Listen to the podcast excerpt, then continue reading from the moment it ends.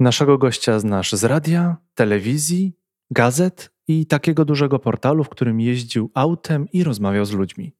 A potem wszedł do biznesu technologicznego, gdzie liczą się nie tylko okrągłe zdania, ale również liczby. Escola Mobile. Biznes masz w kieszeni. W jaki sposób rozpoznawalność wpływa na tworzenie biznesu? Pomaga? Przeszkadza? Jak ją można wykorzystać, a kiedy jej nie używać? Popatrzmy też z drugiej strony. Jesteś osobą rozpoznawalną, a jednocześnie rozwijasz swój biznes. Agencję turystyczną, agencję audio-wideo, aplikację, dzięki której Smerfetka albo Robert Lewandowski mogą złożyć życzenia Twojemu dziecku. Te zagadnienia wydają się bardzo oddalone od siebie. Jednak jest jedna rzecz, która je łączy. Wartość jest w ludziach, a jak organizować społeczność, dowiesz się pod koniec tego podcastu. Naszym gościem jest Jarosław Kuźniar, szef agencji Go Forward, Voice House i CEO aplikacji Funwisher. Jeśli słuchasz nas na aplikacji Apple bądź Spotify, po wysłuchaniu tego podcastu oceń go i poleć swoim znajomym. Dzień dobry, dzień dobry. To jest Escola Mobile Live. Witam serdecznie w okresie międzypoświąteczno-noworocznym. A ze mną jest Jarosław Kuźniar. Witam Cię, Jarku. Cześć, dzień dobry. Cały czas próbuję uwierzyć, że jesteśmy na żywo, ale widzę, że w okienku sugerują live, a jak jest live, to ja się wreszcie jakoś dobrze czuję, prawie jak u siebie. E, Jarku, dużo osób cię kojarzy, mówi, e, ok, gdzieś, gdzieś widziałem tę twarz, nie? Kojarzy, ale chciałbym, żebyś, e, mamy tu podcast merytoryczny, tak? Dla wszystkich, którzy nas słuchają, to spotykamy dzisiaj Jarka nie jako celebryta, dzisiaj spotykamy go jako przedsiębiorcę i to przedsiębiorcę, którego ja bardzo kojarzę z osobą, która się kręci wokół technologii, wokół IT. Spotkaliśmy się z Jarkiem na żywo na gali Deloitte Fast 50, gdzie Escola miała okazję wygrać tą kategorię Growth Stars. Brawa dla Escoli! I Jarek to prowadził, ale widziałem Cię też w występach e, gościnnych w Tenderhacie, gdzie przy okazji ich debiutu opowiadałeś o ich historii. E, widzę, że inwestujesz w spółki i właśnie dzisiaj chciałbym opowiedzieć, żebyś Ty opowiedział, porozmawiać z Tobą o tej Twojej drodze. Jak to się dzieje, że z kimś, kogo użyje tego słowa celebryty, tak, stajesz się inwestorem i to właśnie w okolicach tych technologicznych spółek. To jest temat, to jest tło naszej dzisiejszej rozmowy. Także najpierw zacznijmy od tła, jak się staje człowiek celebrytą. Znaczy opowiedz trochę o tej historii scenicznej, tak, scenicznej, oczywiście przed srebrnym, e, złotym, nie wiem jaki teraz, kolorowym ekranem. Właśnie dzisiaj to jest nasz ekran, nie? Tak naprawdę bierzesz e, zwykłego umownie StreamYarda i jesteś e, live wszędzie i to jest fajne. Zresztą wracam z takiego spotkania z e, jedną z top menadżerek świeżo po awansie w naj, jednej z największych firm, która ma pod sobą 6 tysięcy pracowników i rozmawialiśmy właśnie o jej własnych mediach. Z nieczekaniem na te media, które już znamy, i z prośbą o to, żeby zechciały posłuchać pewnej historii, tylko żeby budować to po swojemu. Ja mając lat 15, to było ze 44 lata temu, wszedłem do Radia Sudety i to były takie pierwsze stacje radiowe, które były publiczno-prywatne. W tym sensie, że publiczny był nadajnik, należał do gminy, no i gmina miała władzę. Wiem, że dzisiaj to jest y, dosyć oczywiste i że dzisiaj y, y, władza ma władzę także nad czwartymi mediami, czy nad czwartą władzą, ale wtedy to było coś nowego. Natomiast konsoletę, która zapewniała nawet nadawanie w stereo, miał Andrzej Tower, który do niedawna jeszcze pracował wtedy w zakładach Diora w Dzierżoniowie, bo to tam się działo na Dolnym Śląsku. No i Zakłady upadały, radiowęzeł upadał. Andrzej pomyślał sobie, kurczę, jaka piękna konsoleta, to ja ją wezmę. Zabrał ze sobą, wniósł na pocztową 14. Mimo, że to było tak dawno temu, to to jest jedno z najważniejszych doświadczeń, więc, więc doskonale pamiętam. No i powstało radio. Ja przyszedłem, żeby porozmawiać o tym, co mi się zdarzyło w liceum. Byłem w pierwszej klasie, gnębili mnie jako, jako kota i tak dalej, i tak dalej. Napisałem o tym artykuł, pojechałem do Wrocławia, do Gazety Wyborczej mówię, słuchajcie, opiszcie to, bo to jest niezwykła sprawa, zresztą nie musicie sami pisać, ja napisałem dla was artykuł, więc popatrzyli jak na każdego piętnastolatka w korytarzu dziwnie, no i e, nie opublikowali, ale ja mogłem wrócić w wakacje i u nich pracować, natomiast wróciłem z tym artykułem do Dzierżoniowa, usiadłem w studiu i opowiedziałem o tym. I wychodząc mój kolega, który dzisiaj jest rzecznikiem jednego z największych polskich banków, mówi, ten facet z brodą przy wyjściu to jest właściciel. Zapytaj go, może tu jest jakaś robota dla ciebie. Nie? Więc zatrzymuję się, brzmiałem trochę inaczej niż brzmię teraz, ale tylko nieznacznie i mówię, panie Andrzeju, pan, pan tu podobno rządzi, y, mam trochę czasu po lekcjach, więc może bym robił audycję. W soboty miałem czterogodzinną audycję, która się nazywała POP, pop, FM, FM, FM. I pierwszy raz użyliśmy wtedy z moim kolegą y, kamery pogłosowej, żeby tak cudowny jingle, tak ważnej dla mnie audycji powstał, jak, jak przed chwilą go zagrałem. Przez cztery godziny mogłem grać i gadać, coś tam próbowałem mówić bez jakichś specjalnych ograniczeń, no i tak się zaczęło. A potem zamarzyłem, że będę wysyłał korespondencję do Radia Wrocław o tym, co się dzieje w Dzierżoniowie, w Bielawie, więc byłem korespondentem na telefon już regionalnego radia, więc byłem powiedzmy bliżej y, centrali. Dla mnie centrum świata to był wtedy Wrocław. E, no i później przeniosłem się do Wrocławia, czytałem serwisy informacyjne, prowadziłem studia Odra, czyli takie no, kilkugodzinny program polityczno-społeczny z udziałem słuchaczy. No ale w którymś momencie zmienił mi się szef. Dzisiaj już wiem, e, jakiego szefa bym nie chciał, także dzięki tamtemu doświadczeniu z Filipem. I Filip, e, w sumie on mądrze podszedł do tego, bo on mówi tak: Słuchaj, ja wiem, co ty robisz, ja wiem skąd ty się wziąłeś, ja widzę ile ty masz lat i moim zdaniem e, ty nie powinieneś być w tym miejscu, w którym jesteś, więc ja bym ci zabrał te dyżury jako host, ale bym ci dał mikrofon żebyś wyszedł na ulicę i udowodnił mi, twojemu nowemu szefowi, że ty potrafisz e, zrobić prostszą rzecz niż poprowadzić audycję, więc udowodnij mi, że potrafisz zrobić jakiś reportaż, gnojku. Udowodniłem i zostałem. Natomiast w, tym momencie Filip też powiedział mi, ale w jakimś sensie, więc ja przygotowałem się do tego i zadzwoniłem do mm, programu Trzeciego Polskiego Radia. To była jakaś 15.30 y, na centralę, myśląc sobie, że najgorsze już, co się miało wydarzyć u szefów trójki jest za nimi. I powiedziałem, Dzień dobry, nazywam się Jarosław Kuźniar, pracuję w Polskim Radiu Wrocław, więc w sumie jesteśmy w jednej firmie, więc chciałbym pracować u Was, czy możecie mnie połączyć z kimś, kto odpowiada za serwisy informacyjne. Łączę z Jolantą Kucharską. Proszę czekać na linii. Jolanta Kucharska, przecudowna kobieta, odbiera i ja mając, nie wiem ile ja miałem wtedy, 18-19 lat, mówię, dzień dobry, nazywam się Jarosław Kuźniar, pracuję w Polskim Radiu Wrocław, prowadzę studia odraz, czytam serwisy informacyjne. Szczerze, zastanawiam się, czy nie potrzebujecie kogoś do serwisów. Proszę przyjechać, nagramy, z Wiktorem Legowiczem posłuchamy i zdecydujemy. Więc byłem we Wrocławiu, mówię do mojej cioci, słuchaj, jest szansa, dawaj y, kasę. Pozdrawiam serdecznie i dostałem 150 zł na pociąg i na hotel. Y, powtarzam to, bo to jest bardzo ważny hotel, wciąż istniejący. Nazywa się hotel ZNP y, przy, na Powiślu, z widokiem na Wisłę, choć akurat mój pokój wychodził na zupełnie inne, y, inne, inne okolice, bo był tańszy. No i przyjechałem pociągiem do tej Warszawy jakoś dzień wcześniej, a później o 9 rano musiałem się stawić w trójce, więc blisko w miarę poszedłem.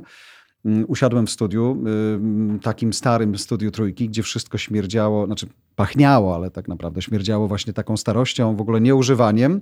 No i to było cudowne, wiesz, i oni poszli tutaj akurat, gdzie siedzę teraz w studiu Voice House, nie ma tej szyby, ale oni y, poszli po drugiej stronie, stanęli y, z realizatorem dźwięku. Ja dostałem jakieś kartki z serwisem informacyjnym, cisza totalna, y, założyłem słuchawki i zacząłem czytać po swojemu, jakoś tam. Oni to nagrali, Podziękowali mi, ja wyszedłem, mm, później zadzwonili i mówią, wie pan co, to nie jest złe. Właściwie jakby pan tak wrócił do nas i mamy pracę w soboty od 20 do 2 w nocy i w niedzielę od 20 do 2 w nocy. Czy pan e, chce? I teraz jestem we Wrocławiu, zarabiam jakieś tam pieniądze, studiuję jeszcze wtedy i mam nagle propozycję pracy w Trójce, gdzie nie znam nikogo. Miałem 150 zł od cioci na podróż, ale nie umawialiśmy się na to, że będzie moim inwestorem na dłużej. Więc mówię tak. I znalazłem jakieś miejsce, jakiś pokój taki, pamiętam tutaj niedaleko centrum w, u starszego pana. I tam sobie żyłem u niego, no i chodziłem do tej trójki, mimo że byłem tu cały czas, czyli cały tydzień, bo nie opłacało mi się jeździć między Wrocławiem a Warszawą, więc y, chodziłem wokół tej trójki po agrykoli, patrzyłem na ten budynek, jakbym był, wiesz, w Wambierzycach albo w innym Licheniu, chodził i patrzył na to wszystko i mówił, Boże, to jest niemożliwe, że ja tu jestem. Ja ci dziękuję, że ja tu jestem. Mimo, że nic nie mogłem zrobić. Mogłem sobie słuchać cały czas trójki, ale mój czas był tylko w sobotę i w niedzielę o 20. I dzisiaj y, wierzę, że akurat nasi słuchacze y, będą mieli y, trochę inne podejście do tego, ale Niedźwiecki, Kaczkowski, Kedryński, Beksiński, Młody, to byli ludzie, przy których ja pracowałem. Tak jak dzisiaj siedzę sobie obok ciebie, to tam miałem ludzi, z którymi mogłem pogadać chwilę o tym, co oni myślą, o tym, co ja zrobiłem i tak, tak wyszło. Więc jak mówisz celebryta, jak człowiek daje gębę w telewizji, no to siłą rzeczy tak na niego patrzą, gdzieś się pojawi w jakiejś jednej, drugiej gazecie. Ja jestem po prostu chłopakiem, który umie gadać, no i to wykorzystuję. Słuchaj, jesteś, e, przechodzisz przez te różne redakcje, rozwijasz swój warsztat, ale chcę teraz przeteleportować nas o 20 lat do przodu twojej kariery, gdzie jesteś w Onecie i ja byłem koinwestorem tam w tym akademickich inkubatorach przedsiębiorczości, twój pitch deck mi się przewinął, że chciałeś zrobić takie przedsiębiorstwo travelowe, nie? takie nowoczesne, takie fajne, które stoi w opozycji do tych większych, świętej pamięci Neckermana, polskiej Itaki czy Rainbowa, ale to miało być takie biuro podróży z duszą, nie? I to chyba zresztą cały czas działa i chyba to jest pierwsza rzecz, gdzie kojarzę cię, że pojawiłeś się w zasięgu odbioru takich nowoczesnych inwestycji. Chciałbym, żebyś powiedział jakby skąd to się wzięło. Czy to był taki po prostu pomysł, czy to był jakiś taki większy plan? Dzisiaj z perspektywy czasu widzę, czuję i nie wyobrażam sobie, żeby było inaczej, że powinieneś być zdywersyfikowany. Ja pracowałem i umiem tylko gadać e, przez, przez długie lata, natomiast dla mnie ważne było to, że kiedy e, zarobiłem, bo mogłem wyjść na scenę dużą w tvn jakieś pieniądze większe miesiąc do miesiąca i powiedziałem mojemu szefowi, jest licencja na biuro podróży, ja sobie ją kupię i będę je rozwijał, a se rozwijaj. To nie kosztowało wiele wtedy, no parę tysięcy złotych. Więcej kosztowały mnie prawniczki, które pozwoliły mi to jakoś opisać i zbudować. E, I to było coś takiego, że ja wiedziałem, nie, nie, nie czułem, że to będzie biznes, bo w ogóle nie, nie, nie czułem się też ani startupowcem, ani biznesmenem, to nie były jakby te czasy. Natomiast e, trafiłem do coworkingowej przestrzeni, zacząłem wtedy współpracę z Szymonem Pawlicą z Wintomu, z którym dzisiaj, później założyliśmy Funwishera i jakby Szymon był też takim moim e, cudownym przyjacielem, który mnie wprowadzał trochę w ten świat, nie? Poznałem też też Izę Górską, która rządziła wspólnie z Aureliuszem Górskim, swoim mężem, e, wtedy Zebrą, czyli właśnie taką pierwszą przestrzenią, gdzie można było wynająć jakieś biurko. I, i właśnie Iza mówi, słuchaj, jest tam okazja, żebyś poszedł i pokazał swój pomysł, więc idź i piczuj. No i to, to tak się skończyło. Natomiast to była moja pierwsza styczność z technologią, też dlatego, że Go Forward to jest to, o czym mówimy i ono sobie działa, choć covidowo ma się gorzej niż mogłoby, ale wierzę, że, że, że jesteśmy już powoli nad wodą. Natomiast druga rzecz to było Go for Guide, który miał być taką platformą do połączenia ludzi, którzy chcą zwiedzać fajnie miasta z przewodnikami miejskimi, którzy są totalnie rozproszeni, totalnie zindywidualizowani, biją się ze sobą o miejsce, o tych ludzi i tak dalej. Chciałem dać im przestrzeń, w której oni złapią się z klientami, będą fajnie ocenieni, będą, będziemy znali ich trasy, będziemy znali koszty, nie będzie e, wolnej amerykanki, nie będzie dawania pod stołem po obejrzeniu Krakowa i tak dalej, i tak dalej. No i wtedy pamiętam, że trafiłem, mm, do, dostałem od SID-u 100 tysięcy złotych i to był fajny i niefajny moment. Y, bardzo rzadko o tym mówię, ale dlatego, że e, on był fajny, bo ja się czułem wygrany, Okej, okay, dzisiaj wiemy, że 100 tysięcy złotych to jest dużo, niedużo, jeśli chodzi o technologię, e, patrząc po wzroście ceny za godzinę pracy informatyka, ale wtedy mój szef dostał w newsletterze, mój szef TVN24 dostał w newsletterze informację, że Kuźniar dostał inwestycję. I on mnie wzywa i mówi, co to chyba jest? Ja mówię, wiesz co, no właśnie oglądam to i nie mogę uwierzyć, bardzo się cieszę, a zgodziłeś się, żebym mógł rozwijać? Nie. Jakby to tak nie miało wyglądać, więc wybieraj albo ja, albo ty. Ale zrobił to w taki sposób. Ja już byłem po tylu latach pracy, że ja mówię, wiesz co, Adam, ja bym się cieszył, że mój pracownik robi coś innego i dzięki temu, y, wracając z podróży, może usiąść i przez cztery godziny opowiadać o świecie, który się kończy. Widzowie to lubią, wiesz to, masz wszystkie ratingi są na moją korzyść, wszystkie liczby są na moją korzyść. Jakby nic nie spieprzyłem przez ten czas. A on mówi do mnie, musisz wybrać. Bo to jest ryzyko dla mnie. Nie? Jak ty spieprzysz i ktoś ci umrze na wyprawie albo cokolwiek się zdarzy, to, to we mnie uderzy. Więc dzisiaj myślę o tym, że jasne, miał rację. Natomiast wydawało mi się, że jesteśmy w stanie znaleźć jakieś rozwiązanie. On sugerował mi przepisanie firmy na rodzinę i tak dalej. Mówię, Adam, nie, bo jakby ja to buduję i chciałbym to rozwijać, bo to mi pomaga. Ale nie dogadaliśmy się.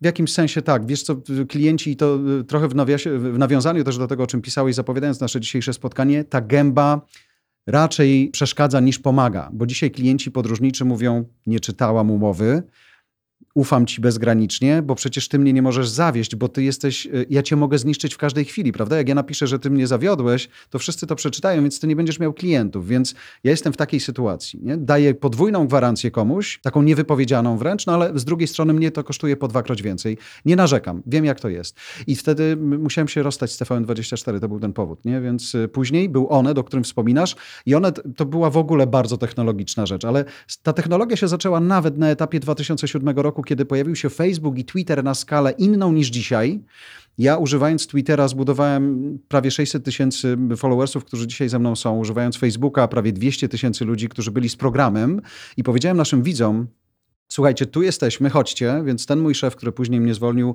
zakazywał mi używania nazwy Facebook i Twitter na antenie. Ja mówię, Adam, to jest jakby, ci ludzie tam są, więc my nie możemy się obrażać. Jak oni tam są, może przyjdą do nas. Wykorzystajmy tą technologię do tego, żeby ich zabrać, ich do nas.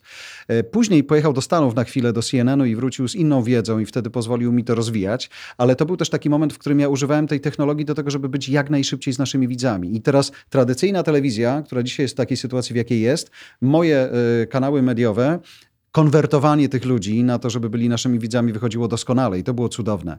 Mm, dzisiaj e, w Onecie udało się to wykorzystać na jeszcze inną skalę, bo był taki moment świętej pamięci aplikacja, która się nazywa Periscope. Nagle okazało się, że Twitter to kupuje, mówi słuchajcie, możecie być live, wherever you want i z kimkolwiek chcecie. Palikot to wykorzystywał e, swoją drogą w kampanii wtedy prezydenckiej. Jako pierwszy polityk był live, e, a miał też gigantyczne zasięgi. I ja wtedy nie pracując w TVN24, pracując w dużym TVN-ie, włączałem sobie to rano w samochodzie, na statywie telefon. No i zaczynałem gadać do, do moich widzów.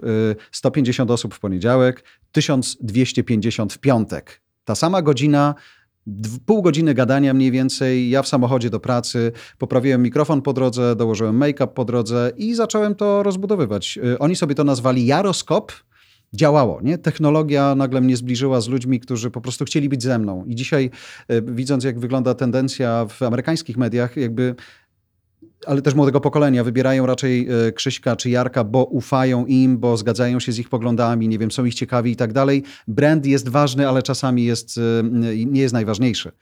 I to był taki moment. A w Onecie doszedł jeszcze biznes, bo też mało kto o tym wie, bardzo rzadko się ludzie do tego przyznają, moi koledzy dziennikarze, ale w Onecie poza fajnym przywitaniem, położeniem swojego pomysłu na mobilne studio w samochodzie live z kilku kamer i tak dalej, i tak dalej, to oni powiedzieli fajne, może się uda, róbmy, ale znajdź na to pieniądze. I to jest taki moment, w którym w TVN-ie biuro reklamy robiło swoje, biuro sprzedaży robiło swoje i ja robiłem swoje, ale w Onecie ja byłem dziennikarzem, pomysłodawcą, szefem zespołu i sprzedawcą wspólnie z Media Impact Polska, które, które sprzedaje całą przestrzeń onetową. I myśmy zarobili grube miliony przez ten czas, jak byłem, budując w ogóle produkt nowy i pokazując ludziom, że nie ma co się śmiać z tego, że facet siedzi w samochodzie i zbudował tam studio i rozmawia z ludźmi, bo kiedy zamykały się drzwi w naszym samochodzie, to każdy z naszych gości mówił, ale tu cicho, ale tu intymnie. To ja panu powiem coś, czego nie mówiłem nigdzie indziej, bo tam taki hałas, wie pan. I to była nasza przewaga. Więc każda współpraca z markami, których nie wiem, czy mogę wymieniać, więc, więc nie, zostawię to sobie, ale czy to były duże marki motoryzacyjne, czy gigantyczne koncerny kawowe, czy to były banki, wszystko, to była moja rozmowa z nimi i biura sprzedaży, gdzie jest moja granica jako twórcy, gdzie jest potrzeba ich obecności, no i jakie są z tego pieniądze, jak to rozliczyć. I tak jak mówimy dzisiaj o technologii, myśmy byli tymi, którzy zarabiali na Facebooku na przykład. Nie? I wszyscy mówili, ale jak? Bo rozumiemy, że na YouTubie można zarobić, jeśli coś jest regularne, pieniądze wpadają po prostu, ale Facebook, on nie płaci twórcom. Ale my, przychodząc do naszych klientów i pokazując im zasięgi strony głównej Onetu, aplikacji świętej pamięci Onetu, Facebooka, YouTube'a, Twittera, dokładając moje kanały, pokazywaliśmy im, zobaczcie, tutaj ci ludzie oglądają w takiej w takiej liczbie, poprosimy o pieniądze za to. I w ten sposób monetyzowaliśmy Facebooka. Dla mnie to była mega lekcja, która mi się dzisiaj w każdym moim projekcie przydaje. Y, totalnie 4 y, lata bardzo intensywnej sprzedaży. To jest y, jakby dla mnie ciekawe, w jaki sposób powiedziałeś o tym, jak działają media społecznościowe, że to ciebie zbliża do twoich odbiorców, tak, że oni ufają właśnie tobie. Ale z drugiej strony w tej chwili troszeczkę twój biznes skręcił, tak? Czyli mamy Go Forward, mamy Go for Guide, mamy FanWishera, o którym za chwilę będziemy rozmawiać, no i mamy oczywiście Kuźniar Media. I w jaki sposób ty poradziłeś sobie z tym, żeby być takim one-man army prowadzącym, e, szefem zespołu i tak dalej, doprowadzić do tego, że jednak no teraz pracujesz, wymyślasz te rzeczy, no ale przecież w FanWisherze nie będziesz, wiesz, alfą i omegą. Tam chciałbym posłuchać twojej drogi, chciałbym posłuchać, jak ty, jak ty to mentalnie przeszedłeś. Nie? Wiesz co, ja to mentalnie cały czas przechodzę. To znaczy ja dzisiaj jestem na takim etapie, w którym bardzo... E, ja byłem na studiach, które się nazywały Filologia Polska, specjalność dziennikarstwo i to wszystko, znaczy dużo, ale tak naprawdę to wszystko, e, mediów uczyłem się pracując bardzo z najlepszymi i rozwijając je i, i, i, i ucząc się od nich tak naprawdę. I dzisiaj mamy Kuźniar Media, które jest firmą szkoleniową, y, produkcyjną, jeśli chodzi o filmy, produkcyjną, jeśli chodzi o eventy. Mamy Voice House, który jest studiem robiącym podcasty, wideokasty, livecasty, wszystko, co można wymyślić, więc tu jest mi blisko, bo to jest mój świat. Ja wracam trochę jak do Radia Sudety. Mam kilkanaście osób w zespole, który się stopniowo powiększa, więc uczę się tego, jak, jak budować ten zespół. Po raz pierwszy mam też wpływ na ten zespół. Do tej pory miałem zespoły zastane. Więc dla mnie to jest bardzo dynamiczna i przyspieszona zmiana mentalna, jak zarządzać ludźmi, którzy są na y, podobnym poziomie wiedzy jak ja, ale w zupełnie innych obszarach. Jak się od nich uczyć, jak ich słuchać, jak ich dobierać także. Pracuję z takimi klientami, którzy mają gigantyczne przedsiębiorstwa i od nich także, ja im daję swoją wiedzę, ale biorę od nich mnóstwo własnej wiedzy. I to, czego się też uczę, i to jest akurat bardzo, bardzo podobne w biznesie medialnym i w biznesie mm, startupowym, czy w tym, w którym ja jestem dzisiaj. Y, ja bardzo często, jeżeli ktoś mówi, dobra, Jarek, to ja bym chciał robić wywiady tak jak ty, jak ja mam to robić, paradoksalnie wszystkim się wydaje, że ten, który siedzi, jest hostem, on ma pytać. A on często wchodzi w rolę, i to powiem niezłośliwie do ciebie, Krzysiek, ale on wchodzi w rolę kogoś, kto słucha i wie, kiedy się odezwać, bo właśnie usłyszał coś, co go interesuje i on o to dopyta. Wi wiadomo, że jestem przygotowany do rozmowy, wiem z kim rozmawiam, wiem o czym chcemy rozmawiać, wiem ile to potrwa, wiem gdzie chcemy dojść, gdzie skręcić, ale tak naprawdę, kiedy ją zacznę, jestem bardzo otwarty i słucham. I tak samo jest dzisiaj w firmach, kiedy Takim moim e, biznesowym mentorem, powiem o nim jeszcze raz, by, by, był Szymon Pawlica, dlatego że myśmy z Szymkiem się spotkali w Zebrze wtedy też właśnie w Business Linku. Oni siedzieli tam z Wintomem. Ja przyszedłem ze swoją, swoją firmą i Szymon mówi, słuchaj, mamy technologię, która mogłaby coś zrobić. I tak, tak się zaczęły jakieś, e, tak się zaczął FunWitcher, ale w ogóle tak się zaczęło moje myślenie o biznesie jako takim. Później, kiedy wyszedłem z Onetu i stworzyłem własne, własne, własne media, czyli Kuźniar Media, no to też wiedziałem, że e, sam pewnych rzeczy nie zrobię i zacząłem budować sobie zespół. Ci będą odpowiadali za wideo, ci będą pomogą mi w audio, ci pomogą mi w ogóle w ogarnięciu kalendarza i w komunikacji z klientami. Ja się skupiam na sprzedaży, skupiam się na komunikacji, skupiam się na szkoleniu. Może to też być w jakimś sensie odpowiedź na twoje pytanie. Jak siedziałem sobie w studiu telewizyjnym, wtedy jeszcze to były czasy wozów satelitarnych, kiedy łączyłem się z kimś, kto pojawiał się tak jak ty teraz na ramce, jako powiedzmy mój gość, czy reporter, z którym rozmawiam, to mm, starałem się wiedzieć najwięcej, jak powinienem, o tym, co się dzieje i dlaczego to działa. Więc jeżeli szlak trafiał połączenie, ja w słuchawce słyszałem, Jarek, spadł nam wóz, szyj, to ja wiedziałem, że moje szycie musi trwać minimum 10 minut, bo postawienie tego wozu satelitarnego ponownie, odpalenie anteny, połączenie się z satelitą, wejście na ingest w, w TVN-ie i pokazanie mi tego, tak jak ja teraz widzę ciebie obok siebie, to zajmie tyle, więc ja nie szyję minutę i nie czekam. Znowu, aż mi powiedzą, a mówiliśmy, 10 nie, nie gadam, wiem. I dzisiaj tak naprawdę to jest też to. Wiem o więcej rzeczy niż powinienem, ale skupiam się na tym, w czym jestem dobry. Komunikacja i, i opowiadanie o projekcie, pitchowanie go i tak dalej. Natomiast na, największym wyzwaniem dla mnie jest znalezienie i zbudowanie takiego zespołu, który się na tym zna. Czy chodzi o licencję, czy chodzi o technologię. W Go for Guide ja postawiłem na chłopaka, którego mi polecono i zrobiliśmy aplikację, która nas kosztowała y, kilkadziesiąt tysięcy złotych, którą szlak trafił dlatego, że ja nie wiedząc, wiedząc, y, jak to działa, zaufałem y, technologii, zaufałem jego wiedzy, złączyliśmy się z jednym systemem płatności wtedy, tylko jednym, który nas wpuścił. Aplikacja została zbudowana tylko pod ten jeden cholerny system płatności. Pieniądze wszystkie poszły na to, żeby ona zajebiście wyglądała i wyglądała. Natomiast ta firma, która nam pozwoliła na płatności, mówi w którymś momencie, po kilku dniach od odpalenia, ona mówi: My nie możemy obsługiwać tego modelu biznesowego. Nie wiemy dlaczego i kto was tu wpuścił. Musicie się szybko wypiąć i my was wyłączamy. Zostałem e, z tą aplikacją, jak wiesz, jak, jak idiota. Nie byłem w stanie w nic tego wpiąć, nie mając kolejnych pieniędzy na to, żeby to właściwie zrobić na nowo. Więc e, w ogromnym sporze z osobami, które to zrobiły, mm, się rozstaliśmy i tyle. Nie? Tyle było mojej pierwszego, najbardziej bolesnego doświadczenia z technologią. Dlatego dzisiaj staram się wiedzieć więcej, żeby nie być w dupie tak, jak byłem tutaj. Ale to fajnie, że też się podzieliłeś, że jakby nie, nie, nie tworzysz aury sukcesu. Dzięki za to szczere stwierdzenie, bo, bo właśnie niewiedza technologiczna to jest coś, co niezwykle dużo kosztuje. I, no, ja tworząc te rozwiązania technologiczne mm, przy okazji Escoli, e, dobrze to czuję i, i, dzisiaj nawet mając świeżo po rozmowie, będąc z klientami, widzę jak ważne jest, żeby po stronie klienta był product owner, czy ktoś, kto rozumie, czy o czym my mówimy, bo inaczej to i on za to zapłaci ekstra, a my będziemy się denerwować, że nie rozmawiamy tym samym językiem.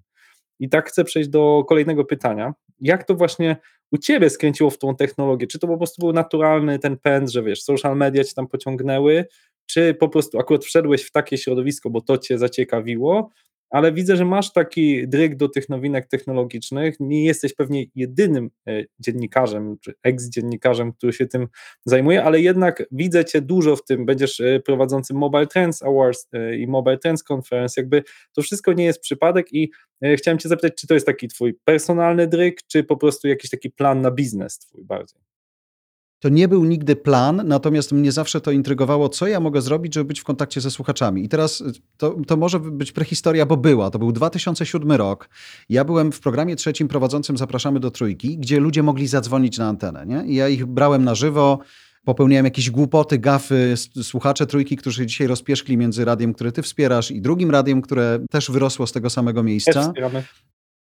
Mamy y, Nowy Świat i 357. I ja przyszedłem do TVN-u i mówię tak, Adam, kurczę, to jest poranna audycja, najbardziej intymny moment dnia.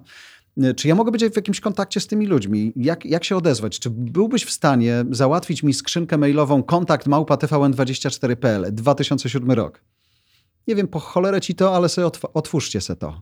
No i słuchacze pisali, widzowie pisali do nas. Drukowałem te maile. E, bo nie miałem laptopa na stole. Dopiero po paru latach udało mi się załatwić laptop na stole z tą skrzynką mailową. I teraz czytałem, a oni po prostu byli z nami cały czas. Jak przyjeżdżali do nas ludzie z CNN-u, mówili, ale jak to? Cztery godziny programu, średni czas oglądania 52 minuty, przecież u nas po 9 minutach nie ma nikogo. E, I to było to, co jest dzisiaj walutą, czyli time spent. I teraz później przyszedł Twitter i Facebook, czyli masz znów nowe narzędzia do komunikacji z ludźmi. Dla mnie to jest ważne w tym sensie, że kiedy skończył się TVN24, ja do tych wszystkich ludzi na Facebooku i na Twitterze i gdziekolwiek tam później jeszcze byłem, LinkedIna w ogóle ignorowałem, nie był mi potrzebny, uznawałem, że to jest biznes, więc ja biznesu nie robię. Okej, okay, sprzedaję informacje, ale nie myślałem o tym w ten sposób. Mm, więc ja mówię do nich, słuchajcie, szanuję to, że mnie lubicie i słuchacie i oglądacie przez taki czas, chodźcie w nowe miejsce. No i nagle się okazuje, że oni idą. Jasne, że wtedy była ta bariera, która zniknęła przez COVID, czyli pewne pokolenie sobie tego nie wyobrażało. Y, pójścia do lekarza też sobie nie wyobrażało zdalnie. Telemedycyna dzisiaj wygląda zupełnie inaczej, ale wtedy to był ważny moment. Kiedy ja ich nagle odnajdywałem na cholernym Facebooku, gdzie większość naszych widzów oglądała Onet rano, no to to było cudne, tak? Ci ludzie byli, mówili, panie Jarku, ale fajnie, że pan nie zginął. Później pojawiło się nowe pokolenie, które mówiło, ale fajnie pan na tym YouTubie tam, widzę jak pan tam jeździ po tej Warszawie, tam z Wojewódzkim mi się podobało. Ja mówię, ale to nie jest YouTube, to jest Onet. Ja nie wiem, co to jest Onet, ale na tym YouTubie niech pan tak trzyma, nie? Myślę, okej. Okay. I teraz y, moment, w którym ludzie mówią: y, Słuchałem pana z Bartkiem, albo to, co robicie z Olgą, jest fajne. Wiesz, cały czas udaje ci się przytrzymywać tych ludzi, pokazując, że ta technologia ci właśnie to ułatwia. Ona dla mnie dzisiaj jest tym kontaktem, tym mailem z prehistorii. I to jest, to jest bardzo ważne i bardzo, bardzo, bardzo cenne. I jednocześnie nie wyobrażam sobie inaczej. W Stanach masz dziennikarzy, którzy odchodzą z największych mediów y, i idą do Substacka, na przykład zakładają własne newslettery płatne, albo grupują się w coś takiego, co mi Bartek Pucek ostatnio pokazywał nie chcę podawać nazwy, ale mamy pewien pomysł, żeby to spróbować zbudować w Polsce. Nie idą do żadnego pośrednika. Robią spółdzielnię swoją i dają swoją wiedzę w płatnych newsletterach w zajebiście przygotowany Mamy sposób. takie przykłady na Patronajcie. Kilku dziennikarzy, byłych dziennikarzy właśnie trójki radiowych, telewizyjnych, którzy właśnie robią swój jeden program, który puszczają czy na YouTubie, czy właśnie w jakimś e, Spotify'u, czy gdziekolwiek indziej. I po prostu ten, dla tego jednego programu ja widziałem niektórzy osiągają wyniki typu kilkanaście tysięcy miesięcznie, słuchaj, ktoś się zrzuca, tak, ludzie się zrzucają, crowd, o tym też będziemy dzisiaj mówić, crowd się zrzuca, żeby ten człowiek mógł kontynuować swoją misję, bo tak uwielbiają tego człowieka, nieważne czy on jest, wiesz, w TVN-ie, w Onecie, kurczę, w TVP, whatever, tak, on, oni chcą słuchać tej osoby, nie? Ja mam inne doświadczenie, crowdowe, nie? Na razie przynajmniej, nie wiem czy ono się zmieni, ale rozmawiałem też o tym kiedyś z Michałem Szafrańskim, myślę, że mogę o tym powiedzieć. Michał powiedział do mnie, stary, ty nie jesteś gościem, który powinien iść do Patronite'a, do swoich patronów, bo oni inaczej na ciebie zupełnie patrzą. Oni patrzą na ciebie, niezależnie od tego, jaka jest prawda, ale oni patrzą na ciebie jak na człowieka sukcesu. Ty jesteś z TVN-u, czyli ty dotknąłeś najważniejszego. Tam, że pracowałeś w Trójce i pracowałeś z Kydryńskim, z Kaczkowskim, to jest wtórne. Byłeś w TVN-ie, więc ty sobie powinieneś poradzić. Ty nie możesz wyjść na, na miasto i prosić o pomoc. Jakby ludzie nie będą w ten sposób reagowali. I dzisiaj mam tę trudność niesłuszną, wydaje mi się, w jakimś sensie. Znaczy, ja się z nią mierzę i wydaje mi się, że sobie z nią poradzimy. Tylko ten moment właśnie, w którym ktoś mówi, ale ty? Ale po co? Nie, e, nie jesteś w stanie znikąd inąd sobie znaleźć finansowania na coś? Nikt nie rozumie tego, że ja mogę, pewnie bym mógł spróbować pójść do funduszy gdzieś tam jeszcze, ale teraz przychodzę z projektem, który jest ważniejszy niż ja. O, ja go wymyśliłem, ale dzisiaj mam zespół, który to robi. Myślcie o projekcie, a nie myślcie o kuźniarze. Wiem, że dla inwestorów jest ważne, kto to poprowadzi, więc ja w kilku projektach udowodniłem, co potrafię zrobić i w tym od trzech lat też. Tylko spójrzcie proszę nie przez pryzmat mojej gęby na to, co się tutaj zadziewa. Spójrzcie na produkt, na jego możliwości. I, i dlatego y, to, co robimy nawet w Voice House, nie, nie odpalamy własną apkę i własny, własną subskrypcję to też jest trudne, dlatego że dzisiaj, jak popatrzysz na rynek medialny a propos technologii, wszyscy albo biorą piano, albo jakieś żadne inne rzeczy, mm, które pozwalają im jednak ściągnąć pieniądze. Natomiast to jest w tym sensie nieuczciwe, użyję tego słowa całkiem świadomie, że dzisiaj wielu moich kolegów, których organizacje mówią, stary, fajną rzecz napisałeś. A teraz to jest Twój link, a propos technologii. W tym linku jest pewna zaszyta tajemnica. My wiemy, że to jest Twój link, więc teraz zapraszamy Cię na miasto, sprzedaj. I teraz oni wychodzą, dzielą się tymi swoimi artykułami, nie mówiąc nigdy prawie, że, że 30% za free, ale 70% to musisz zapłacić, jeśli chcesz przeczytać, nie? I ja też dostanę pieniądze, zależnie od tego, ile przyciągnę ludzi. W Stanach to wygląda o wiele uczciwiej, dlatego to jest dla mnie ważne. I to jest jakiś sprawdzam. Y, I oni mogą też się mierzyć z tym, z czym ja się dzisiaj mierzę, nie? Czyli ty sobie powinieneś poradzić, więc przestań prosić. Ale doceniam to, że rzeczywiście, bo wiesz, w Patronajcie w przypadku tych największych osób, jakość ich warsztatu ma jednak decydujące znaczenie. Mhm. Ja myślę, że to, to, to, co ty mówisz o tym crowdzie i to, że boisz się być oceniony, że o, czemu on zbiera pieniądze na Patronite, albo czemu teraz przy FanWitcherze zbiera na crowd, to jest ważne, że to pokazuje, że to nie jest tak, że tobie nie starcza do pierwszego, tylko to ty chcesz zrobić jakiś projekt. Ja zwróciłem uwagę, bo, bo, bo, ten przykład też istnieje. Patrzyłem na Maćka Filipkowskiego, który ma też podcast Zaprojektuj swoje życie, świetny dla przedsiębiorców jest multiinwestorem, zainwestował tam chyba w kilkadziesiąt startupów i też jest na Patronajcie. Ja byłem strasznie zdziwiony, czemu e, Mac pojawia się na Patronajcie i zbiera pieniądze. No facet ma kupę kasy, nie ukrywa tego, mówi o tym, inwestuje, ale ja rozumiem to tak, że ty chcesz komuś podziękować, tak, za to, że to robi i to jest e, taki wyraz trochę wdzięczności, wsparcia dla danego projektu. Artur Kurasiński ma newsletter, mówi, hej, zapłać mi e, parę dolarów, jeżeli uważasz, czy parę e, naście złotych, jeżeli uważasz, że to, ta dokładnie treść jest wartościowa. I dla mnie to jest piękne, że jak wspomniałeś piano, które było paywallem, nie wiem, czy nadal jest dla wyborczej, dla całego tego segmentu, to, to jak to wchodziło, pamiętasz, to my jako czytelnicy czuliśmy się trochę okradani, wiesz, to było za darmo, nagle to jakiś paywall, ludzie w ogóle tego nie rozumieli, w ogóle. Czyli, że ej, było za darmo, trzeba płacić i ci pierwsze ta dekada, bo to już ponad dekadę trwa, było dla ogromne niezrozumienie. Dlaczego mamy płacić za treści? Przecież otwierasz onet.pl i tam jest to przecież za darmo tyle tych informacji. Ale wydaje mi się, że dekadę później ludzie nie tylko są w stanie płacić za jakościowe informacje, bo wiedzą, co dostają za darmo, tak, na, nie szukając daleko, albo że dostają to opakowane bezczelną reklamą, albo product placementem, więc są w stanie zapłacić. Dwa, są w stanie utożsamiać się nawet nie z pełnym medium, tylko wspomniałeś Bartka Pucka, z za dostęp do unikalnych treści. I być może powinno istnieć e, takie piano dla, chyba to zasugerować, takie piano dla indywidualnych twórców, takie uczciwsze, tak jak ludzie robią self-publishment, sami siebie wydają, bo nie chcą oddać 80% wydawcy, który de facto, jeśli jesteś celebrytą to i znaną osobą, to, to ty sam zrobisz to, tak jak wspomniałeś, Michał Szafański sam sobie był w stanie zrobić to publicity, bo ten wydawca mu niewiele daje. Nie?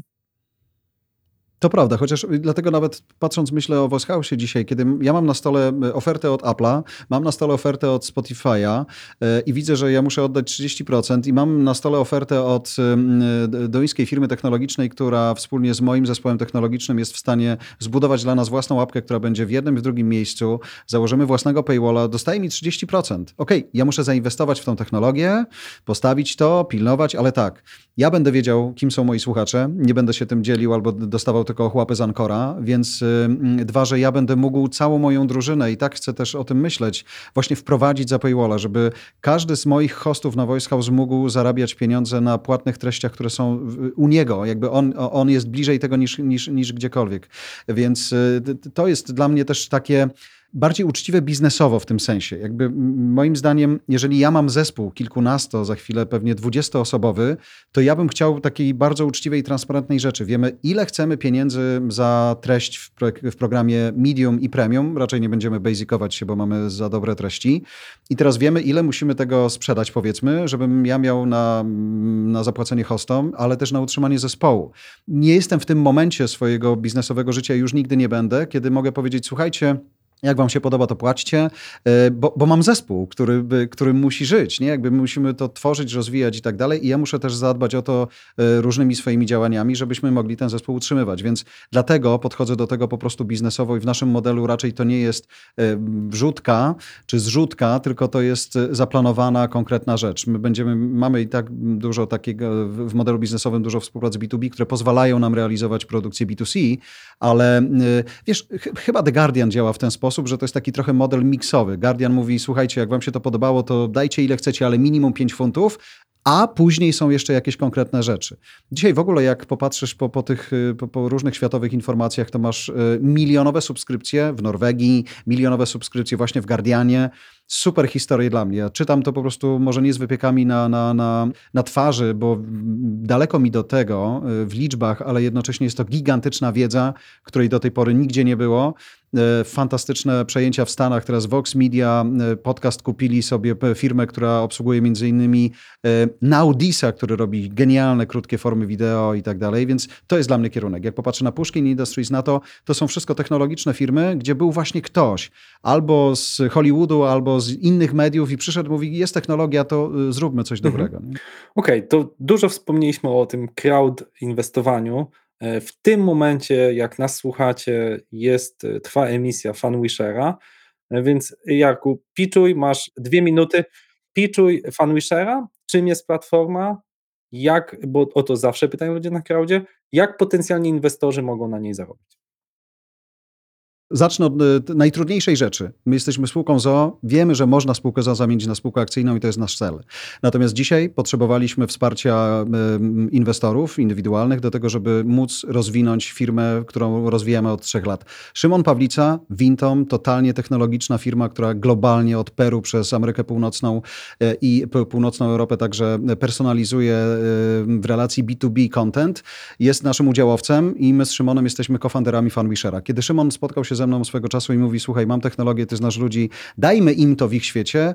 Ja zadzwoniłem wtedy do ekipy Roberta Lewandowskiego, później Kuba Wojewódzki, Borys Szyc, Czesław Mozil i inni. Mówimy: Mamy technologię, która może odpowie na to, co słyszymy, że jest potrzebą waszych fanów. Oni chcą od was filmów, a nie autografu. Chcą od was nagrania, życzeń, a nie autografu. Krystyna Janda się dorzuciła w tym samym czasie, będąc u Wojewódzkiego na kanapie, mówiąc, że dzisiaj, gdyby ona miała odpowiedzieć na wszystkie potrzeby swoich fanów, to ona by siedziała non-stop na kanapie i nagrywała życzenia na ślub, bo wszyscy chcą życzeń od pani Krystyny na ślub. E, oni mówią, ok, my nie mamy czasu na takie zabawy, natomiast jeżeli ta technologia nam ułatwi tą relację, to chodźcie. Polecieliśmy do Monachium, nagraliśmy Lewego, wypuściliśmy film, później zbudowaliśmy całą firmę na tym i ona dzisiaj sobie działa. Natomiast po drodze zauważyliśmy, że ona jest o tyle wymagająca też w modelu biznesowym, że próg wejścia jest Y, trochę wyższy niż w kilkunastu firmach działających w podobnej branży na świecie. Cameo, czy to jest HypeMe, czy to jest Celeb. Tam masz platformę, która postawiona dosyć szybko pozwala się połączyć z gwiazdą i ona może ci coś nagrać, jak będzie miała chwilę i ty za to zapłacisz. U nas pozwalamy na nieograniczoną skalę tych życzeń. Jasne, że idziemy na pewien kompromis z możliwością personalizacji, ale to też zależy od gwiazdy. No i jesteśmy w stanie być cały czas, pilnując czas spędzony z tą gwiazdą, jakość tych filmów. Natomiast rozliczamy się z nimi w modelu 70% dla menadżera i gwiazdy, 30% zostaje w fanwisherze. Kiedy zaczęliśmy rozwijać te firmy, zauważyliśmy, że na rynku licencyjnym y, charakterów z bajek, które też są top gwiazdami, ale dla innego pokolenia, możemy zrobić coś innego. Możemy mieć trzyletnią licencję w podziale 80 dla fanwishera, a 20% dla licencjodawcy. Możemy wyprodukować nieograniczoną liczbę filmów, mając bazę do scen i możemy być globalni z uwagi na to, że y, charaktery bajkowe to jest właściwie warstwa językowa, a my mając licencje globalne możemy być globalni od razu. I dzisiaj przechodzimy na Crowdway z propozycją inwestycji w fanwishera w odniesieniu do bajek. Mam na stole umowę z Matelem na Barbie, na Tomka i Przyjaciół, na Strażaka Sama, na Smurfy także. Kolejne licencje w, w drodze. i teraz potrzebujemy około pół roku, żeby wyprodukować takie filmy i zacząć je sprzedawać. Y, mamy już obecność na rynku brytyjskim. Czyli nazwijmy sprawę po imieniu, bo ja przy tym podcaście też muszę załatwić prywatę. Czyli moje dziecko może jako fan Smurfów dostać personalizowane życzenia Adamie, Smurf, Smurfetka życzy Ci cudownych y, świąt i tak dalej cokolwiek. Twoje dziecko wystąpi w tym filmie, bo myśl o tym w ten sposób. Ty wejdziesz, twoje dziecko będzie częścią tego filmu. Ty będziesz częścią tego filmu. My dzisiaj mamy umowę z Barankiem Seanem. Cała rodzina gra w tym filmie. Całe firmy grają w tym filmie. Widzieliśmy ostatnio taką realizację. Więc my mamy sceny, wkładamy was tam. Y, to są zdjęcia, to są filmy, to są teksty, to są różne zabawy słowne. Pszczółka Maja to samo robi. I twoje dziecko jest uczestnikiem tego. To, co my znów sprzedajemy, personalizacja to jest jedno, ale druga rzecz, czasem chyba najważniejsza, to jest ten time spend, który już się pojawił w naszej rozmowie w innym kontekście. Wszyscy to oglądają do końca i jeszcze raz, tylko się nam ta płyta nie zdziera. Więc to dziecko jest z tą bajką na 100% emocjonalnie do samego końca. Z tym Lewandowskim, wojewódzkim, każdym. Nie? To, to jest to. Ty, tego typu emocje dzisiaj sprzedajemy. My kupujemy licencję na rynek brytyjski i polski i w ogóle chcemy zapomnieć o Polsce na chwilę dlatego że na rynku brytyjskim e-commerce jest większy i świadomość e, e, też kupowania takich prezentów digitalnych jest większa. Naszym wyzwaniem, całkiem szczerze, jest też to, że nie ma jeszcze takiej kategorii na świecie, jak digi, znaczy digital gifty różne się pojawiają, ale my jesteśmy takim produktem, który w sumie w, w kontekście bajkowym nie występuje. Pojawiają się jakieś nieśmiałe, bardzo amatorskie próby, My z Barankiem Szonem przez Pszczółką Mają mamy takie no dosyć, znaczy nawet nie dosyć, to są profesjonalne firmy, na które licencjodawcy powiedzieli wow, bierzemy. I dla nich też, licencjodawców, bo ta wiedza nie pochodzi ode mnie czy mojego zespołu, tylko licencjodawcy mówią, nikt do nas nie przychodził po licencję na produkt digitalny, więc testujmy mhm. i my to testujemy okay. dzisiaj. Świetny pomysł, ale rozumiem, to jest start, bo padło tutaj mm, kilka nazwisk, ale jednak jedno nazwisko jest no naprawdę globalne, mam na myśli Roberta Lewandowskiego, tak? To znaczy, ja nie wiem jakby, czy jest jeszcze marka, której Robert w Polsce nie promował, przynajmniej jeżeli chodzi o elektronikę, ale na pewno jest to osoba, która jest totalnie rozpoznawalna na całym świecie. Pojedziesz na wakacje do Zanzibaru i tam będą znaleźć tylko znać z Polaków Roberta Lewandowskiego. E, domyślam się, że to jest bardzo złożona sprawa, żeby ta osoba każdemu złożyła życzenia, nawet za astronomiczne pieniądze, ale właśnie ciekawy jestem, jakby na ile to jest taki model biznesowy. Pytam jako inwestor, tak? Pytam jako osoba, która no, inwestowała w startupy, exitowała startupy. Totalnie globalna strategia. Są tego typu portale, jest też sporo w tej chwili e, takiej nowej rewolucji, tak, e, te NFT, DAO i tak dalej, które sprawiają, że możecie się czymś wyróżnić, więc chciałem Cię zapytać trochę szerzej, żeby się powiedział o tej strategii. Czy właśnie gdzieś chcecie wskoczyć na tej fali NFT, że gdzieś tam będzie się coś działo, że będziecie, nie wiem, cyfryzować ciało Dody, czy coś jeszcze podobnego, czy raczej ma to być raczej experience po prostu fajnie nagranego, spersonalizowanego filmiku, nie? Wiesz co, dzisiaj patrząc po rozwoju NFT i patrząc po tym, na co pozwala licencja, ona nie dotyczy NFT. I y, mieliśmy już takie pytania, czy jesteśmy w stanie dorzucić jeszcze NFT do tej licencji, to może będzie łatwiej. Dzisiaj wiele, wielu licencjodawców zaczyna patrzeć na to, co może zrobić, jak wejść na ten rynek, co się na nim dzieje, co się na nim może zadziać. Natomiast y, y, wydaje mi się, że ten runway będzie zdecydowanie dłuższy. To, co my dzisiaj kupujemy, to jest licencja na, na takie doświadczenie, za które ludzie jednak będą chcieli zapłacić. My też w strategii chcemy zrobić tak, jak mamy licencję, to my wchodzimy umownie do takiego pokoju, gdzie wszystkie sceny są. My bierzemy, do, my nie wchodzimy do bajki smurfów, które widzisz y, na, w, w, telewizji, ale wchodzimy do kuchni i sobie wybieramy scenę i składamy z tego film. Y, czasem musimy dokręcić jakieś sceny, jeśli nam czegoś brakuje. E, I chcemy zrobić tak, żeby niektóre nasze filmy były takie, wiesz, właśnie typu Smurfetka powie, wystarczy, że imię powie i tam poklepie po ramieniu, powie, nie martw się, to będzie dobry wieczór, cokolwiek takiego, żeby wiralowo móc pokazać, że to w ogóle jest możliwe, bo to nie jest takie oczywiste, że tego typu postaci, tak jak z Lewym było na początku, to niemożliwe.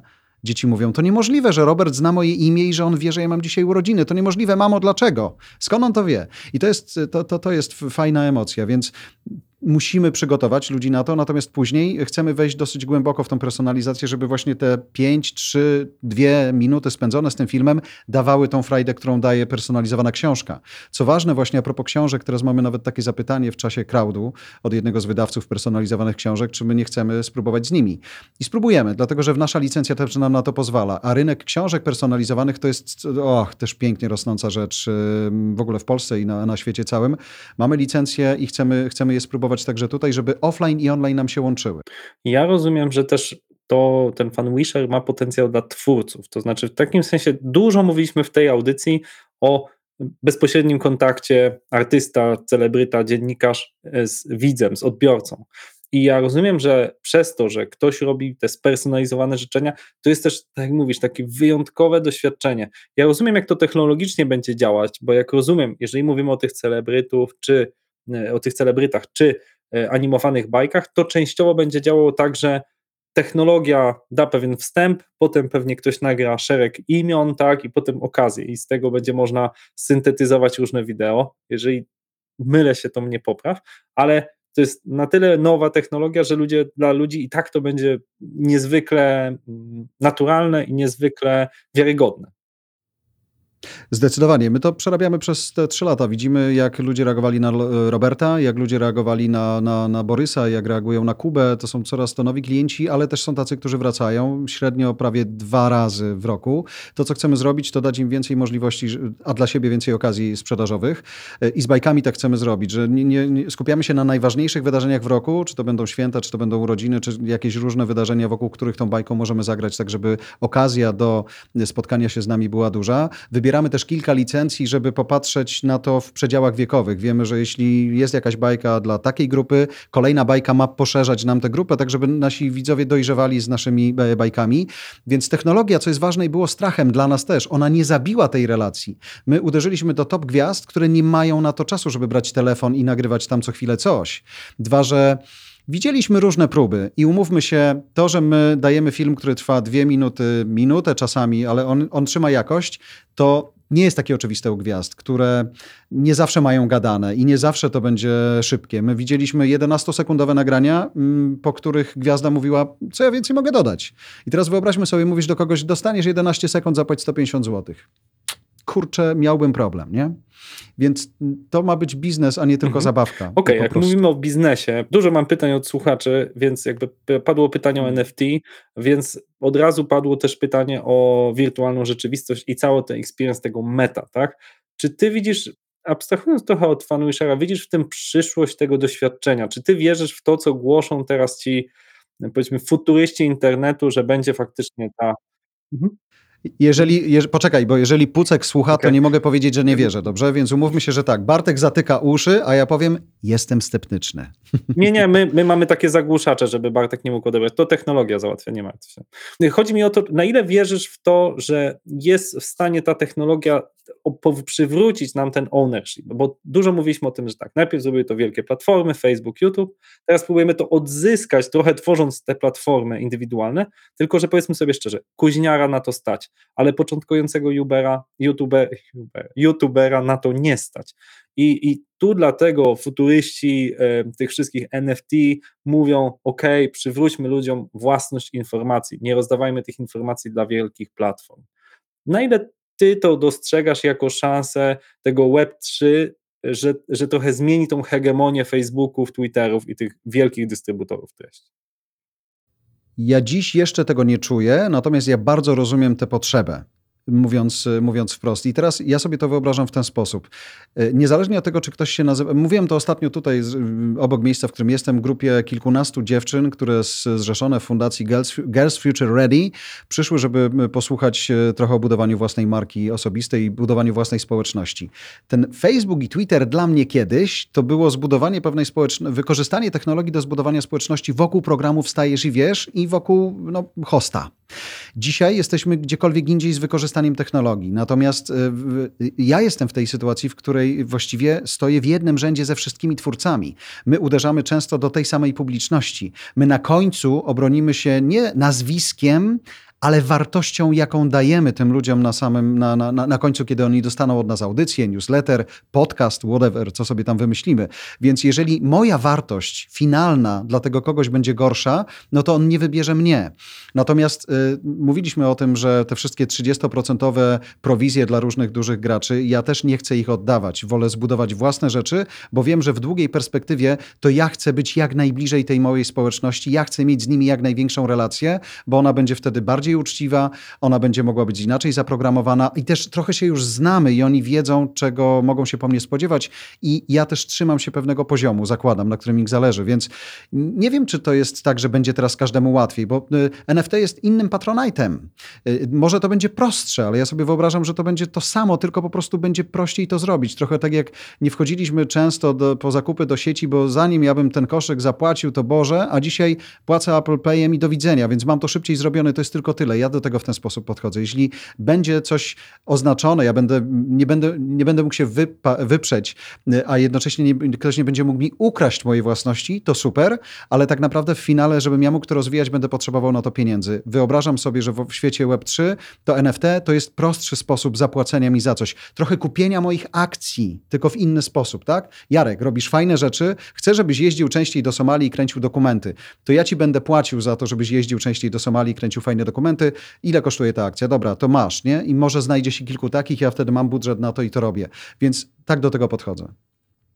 Okej, okay, czyli jeszcze bardziej rozproszony crowd, jeszcze bardziej y, bliska relacja twórcy y, z odbiorcą danej, danej marki, danej osoby. Tylko wiesz, pamiętaj, cały czas myślę sobie o tych portfelach ludzi, nie? Ile oni będą mieli tam pieniędzy, żeby tym wszystkim twórcom, którzy chcą coś robić, płacić, nie? To jest największe wyzwanie.